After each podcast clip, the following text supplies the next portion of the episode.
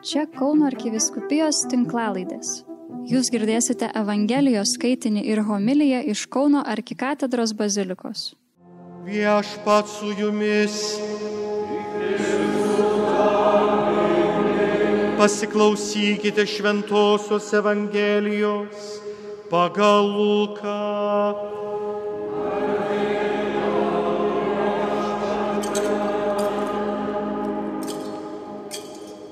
Atėjus metui, kai turėjo būti atimtas iš pasaulio, Jėzus ryštingai nukreipė savo žingsnius į Jeruzalę. Jis įsiuntė pirmą savęs pasiuntinius. Tie užėjo į vieną Samarijos kaimą paruošti, kur jam apsistoti. Bet kaimo gyventojai nesutiko jo priimti, nes jis keliavo Jeruzalės linkui. Tai girdėdami mokiniai Jokūbas ir Jonas sušuko, viešpatie, jei norime liepsime ugniai kristi iš dangaus ir juos sunaikinti. Bet jis atsisukė sudraudė juos. Jie pasuko į kitą kaimą. Jiems einant keliu vienas žmogus jam pasakė, aš seksiu paskui tave, kur tik tu eitum. Jėzus atsakė, lapės turi urvus, padangius sparnuočiai lizdus, o žmogaus sūnus neturi kur galvos priglausti. Kitam žmogui jis pasakė, sek paskui mane. Tas atsakė, viešpatė leisk man pirmiau pareiti tėvo palaidoti. Jėzus atsiliepė, palik mirusiems laidoti savo numirėlius, o tu eik ir skelbk Dievo karalystę. Dar vienas tarė, aš seksiu paskui tave viešpatie, bet leisk man pirmiau atsisveikinti su namiškiais. Jėzus tam pasakė, ne vienas, kuris prideda ranką prie arklų ir žvalgosi atgal, netinka Dievo karalystiai. Girdėjote viešpatie žodį.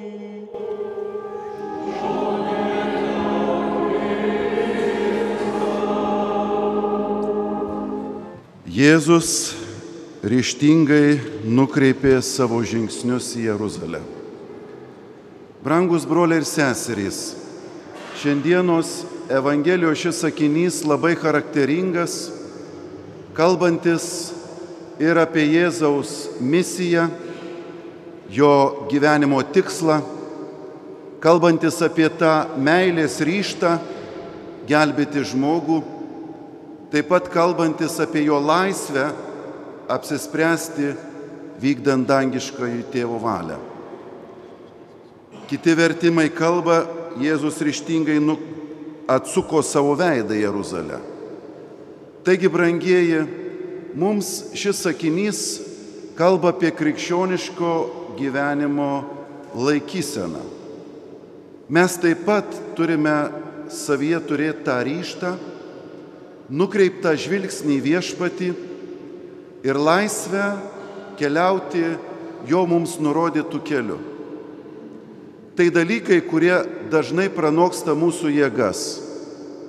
Laiškas Galatams mums priminė apie mumyse esančią dramą, kur kartais dvasia vienaip, o kūnas kitaip mane tempia ir dažnai žmogus jaučia įtampą, nes pasiryžimas vienaip atrodo, o išeina, kaip liaudis sako, kaip visada. Todėl reikalingas gelbėtojas, jo pavyzdys ir jo malonė, kad mes būtume laisvi ir nepasiduotume kūno geismams, papuldami tokiu būdu į vergyją. Šiandienos Dievo žodis mums kalba apie radikalumą, kuris būtinas, jeigu žmogus nori gyventi laisvėje. Ir tai yra tiesos radikalumas, kuris paliktas mums kaip gelbėjanti žinia ir taip pat paliktas, kad mes galėtume viešpatį sekti meilės gyvenimo būdu. Ryštas yra krikščioniško gyvenimo bruožas. Šie metai, brangieji, buvo pažymėti ir visuotiniai bažnyčiai, ir mūsų tėviniai nuolatiniu prisiminimu apie šeimos ir santokos svarbą. Šiuo pastaruoju metu šios kalbos sutapo taip pat ir su labai rimtu svarstymu mūsų visuomenėje, o kasgi yra ta šeima, ar tai tik tai vyro ir moters santoka grįsta sąjunga, o galbūt ir kitos šeimos formos. Ir čia pradėjome jausti, kad staiga tai, kas buvo įprasta ir savaime suprantama, kas net mūsų Lietuvos Respublikos konstitucijoje užfiksuota kaip šeima valstybės pagrindas, šiandien kvestionuojama, tarsi vėl būtų nebeaišku, kas tai yra. Ir tai kelia įtampą visuomeniai, aišku ir mums, kurie žinome viešpaties mokymą, skaitome šventą įraštą ir suprantam, ant ko stovi žmogaus ir visuomenės gyvenimas. Mes turime du pasirinkimus. Vienas - būti piktiems. Būti tokiems, kaip tie mokiniai. Viešpatie, dabar jau proga tau leist ugnį ir naikinti viską, kas prieštarauja tavo valiai. Jėzus sustabdo mokinius, sakydamas, kad nedėra ir nevalia tokiu būdu elgti su tais, kurie man nepritarė, nes tai nėra meilės kelias. Mes galime laimėti kitą žmogų ne jėga, bet tik širdimi ir bandymu laimėti jį ir per argumentus ateinančius iš išminties, ir per tą palankumą, kuris ateina iš žmogaus širdies. Taigi nedėra leisti ugnį ir kitą naikinti, bet laimėti kitą per išminties ir meilės žodį. Panašiai bažnyčia stengiasi elgtis ir šiuo metu, kai girdi įvairius pasiūlymus apie šeimos sampratos keitimą. Šeima yra prigimtinė ir esminė žmogiška bendruomenė. Vyro ir moters lyčių papildomumas yra šeimos atsiradimo sąlyga, pagrindas ir priežastis. Nesant iš vyro ir moters lyčių papildomumo kylančių ar jo nulemtų ryšių, nėra pagrindo asmenis laikyti šeima. Net jei tie asmenys, kurie yra siejami emocinių, prieraišumo, draugystės, lojalumo ryšių, visgi tai savaime nesukuria šeimos santykių. Būtent lyčių papildomumas yra tai, kas leidžia mums atpažinti ir atskirti šeimą nuo visų kitų asmenų bendrystės formų.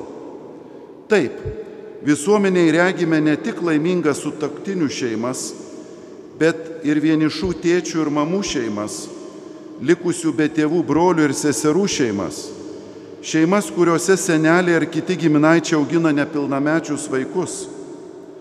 Tačiau visas šias bendro gyvenimo formas, kaip ir įvaikinimo atveju, kuris atkartoja prigimtinių šeimos ryšius, mes atpažįstame kaip šeimą nes jos narius sieja ne tik bendro gyvenimo ar emociniai, bet taip pat ir prigimtiniai kraujo bei giminystės ryšiai, kurie gali kilti tik dėka vyro ir moters lyčių papildomumo. Mes, brangieji, kaip krikščionys, suprantame tai kaip žmogaus prigimti ir skaitydami šventąjį raštą atpažįstam, kad yra užbriešta tam tikra riba, kur viešpats mums sako, nevalia to keisti arba laužyti. Ir čia suprantama būtent prigimtinis įstatymas, kuris glūdi įrašytas žmogaus širdyje, kurį atpažįstam iš dešimt Dievo įsakymų ir taip pat iš šeimos sampratos, kuri atspindi netgi pačio viešpaties treibiškumo prigimti. Dievas nepaliko net savo e, trejybės paslapties visiškoje tamsumoje, nes jis rodo mums šeimą kaip tą atspindi žemėje, kasgi galėtų būti tas švenčiausios trejybės asmenų bendrumas ir vienumas. Negalim tiesiai sakyti, kad Dievas yra lygų šeima. Ir vis dėlto mes galime nujausti Dievo trejybiškumą per matymą vyro ir moters bei iš jų santokos kylančių vaikų. Taigi, brangieji, bažnyčia gina šeimą, nes giliausia priežastimi gina taip pat ir Dievo mums dovanotą tvarką. Gina šeimą dėl to, kad tai žmonių lopšys, žmonijos ir visuomenės, kurie ateina į šį pasaulį Dievo norėtų meilės keliu, būtent, kad pripildytų žemę viešpaties kūrinyje ir plėstų iki pasaulio pakraščių Dievo šeimą žmonės, kurie atsiveria šiam planui Dievo. Ir mes suprantam, kad šeima yra geriausia ir tobuliausia aplinka aukti ir vaikams, ir taip pat bręsti patiems sutoktiniams. Todėl bažnyčia nuolat pabrėžia šeimos instituto prasme, svarbą ir tikslą. Turime pripažinti, jog teiginys, tarsi krikščionys ir kiti prigimtinę šeimos sampratą besivadovaujantis asmenys negali reikalauti, jog tokia samprata būtų įtvirtinta įstatymuose, yra klaidinga. Tauta sudaro visuomenės sutartį konstituciją. Sutarė valstybės ir visuomenės pagrindų laikyti prigimtinę šeimą ir ši visuomenės sutartis negali būti keičiama, nebent tai yra nauja visuomenės sutartis. Visuomenė neturi būti statymu verčiama laikyti šeimą tai, kas prieštarauja visuomenės daugumos supratimui. Pagarba žmogaus orumui reiškia asmens laisvę pažinti tiesą, ją vadovautis ir neversti laikytis to, kas prieštarauja jo pažintai tiesai ir dorovinėms nuostatoms. Čia visai neseniai Lietuvos viskupai išleido savo ganytojiškamą laišką, kuriame rašo, kai kurie pasaulio kraštai būtent pradėję šeimos sampratos keitimą, jau pastebi, kad jis primena Trojos arklio istoriją. Pradžioje teigiama, kad formalizuojant santykius reikia suteikti kartu gyvenantiems asmenims daugiau teisių. Tuomet tai prilyginama šeimos santykiams, jie imami imituoti, ilgainiui toks reguliavimas pakeičiamas į civilinę santoką. Ši kaita ir augantis reguliavimas kelia vis didesnį spaudimą tėvams, trokštantiems auklėti vaikus pagal savo įsitikinimus. Palaipsniui imama reguliuoti švietimo įstaigo mokymo turinį, naikinant supratimą, kad šeima kaip santoka, grįsta natūrali bendruomenė, yra naudinga visuomeniai. Šis kelias veda į neginčiamo vyro ir moters lyčių tarpusavio papildomumo principo atmetimą. Dar kartą prisiminkime Šventojo tėvo Pranciškaus žodžius, kuriais jis trokšta atkreipti sampratų kaitos keliu ketinančių eiti valstybių visuomenių dėmesį. Ne viena netvirta ar naujai gyvybė uždara sąjunga nelaiduoja visuomenės ateities. Ant kokių pamatų pastatysime Lietuvos visuomenės ateitį, pritarę civilinės sąjungos įstatymo projekto nuostatoms? Klausia Lietuvos ganytojai su tikrai rūpešiu ir kvietimu maldai bei susitelkimui. Brangieji, iššūkiai yra tik viena medalio pusė. Yra taip pat ir džiaugsmai ir didelė padėka per pastaruosius metus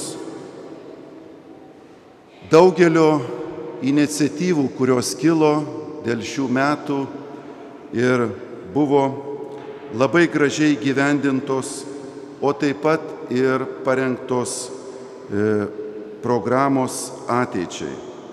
Nuoširdžiai noriu padėkoti Kauno arkiviskupijos šeimos centro darbuotojams, savanoriams ir visiems, kurie įsijungė į vairias programas, kurios per šiuos metus buvo sukurtos.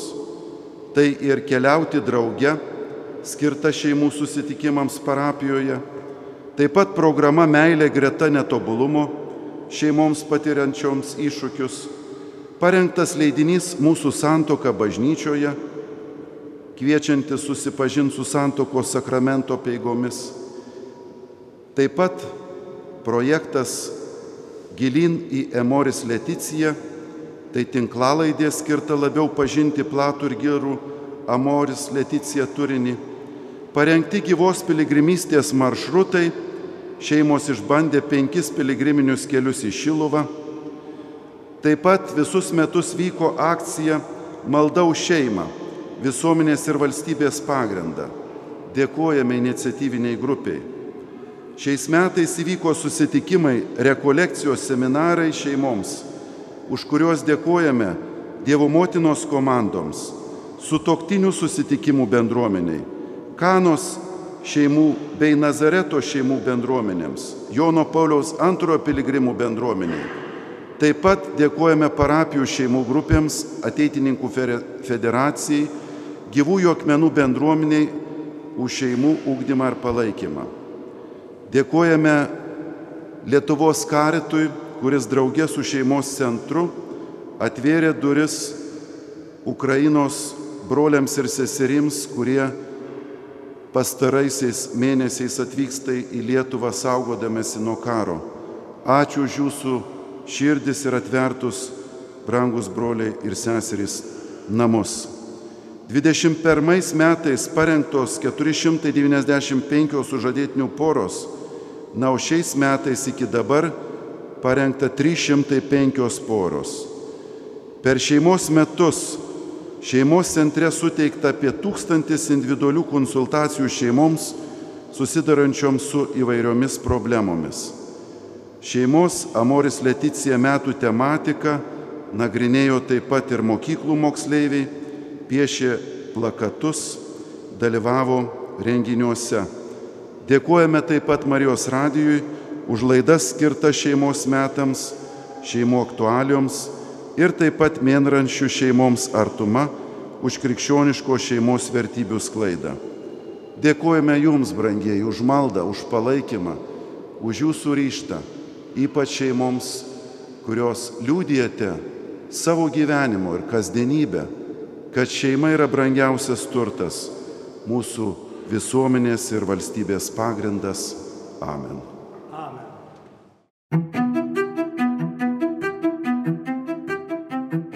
Jūs girdėjote Evangelijos skaitinį ir homiliją iš Kauno arkikatedros bazilikos. Čia Kauno arkiviskupijos tinklalaidės. Sekite mus ir prenumeruokite.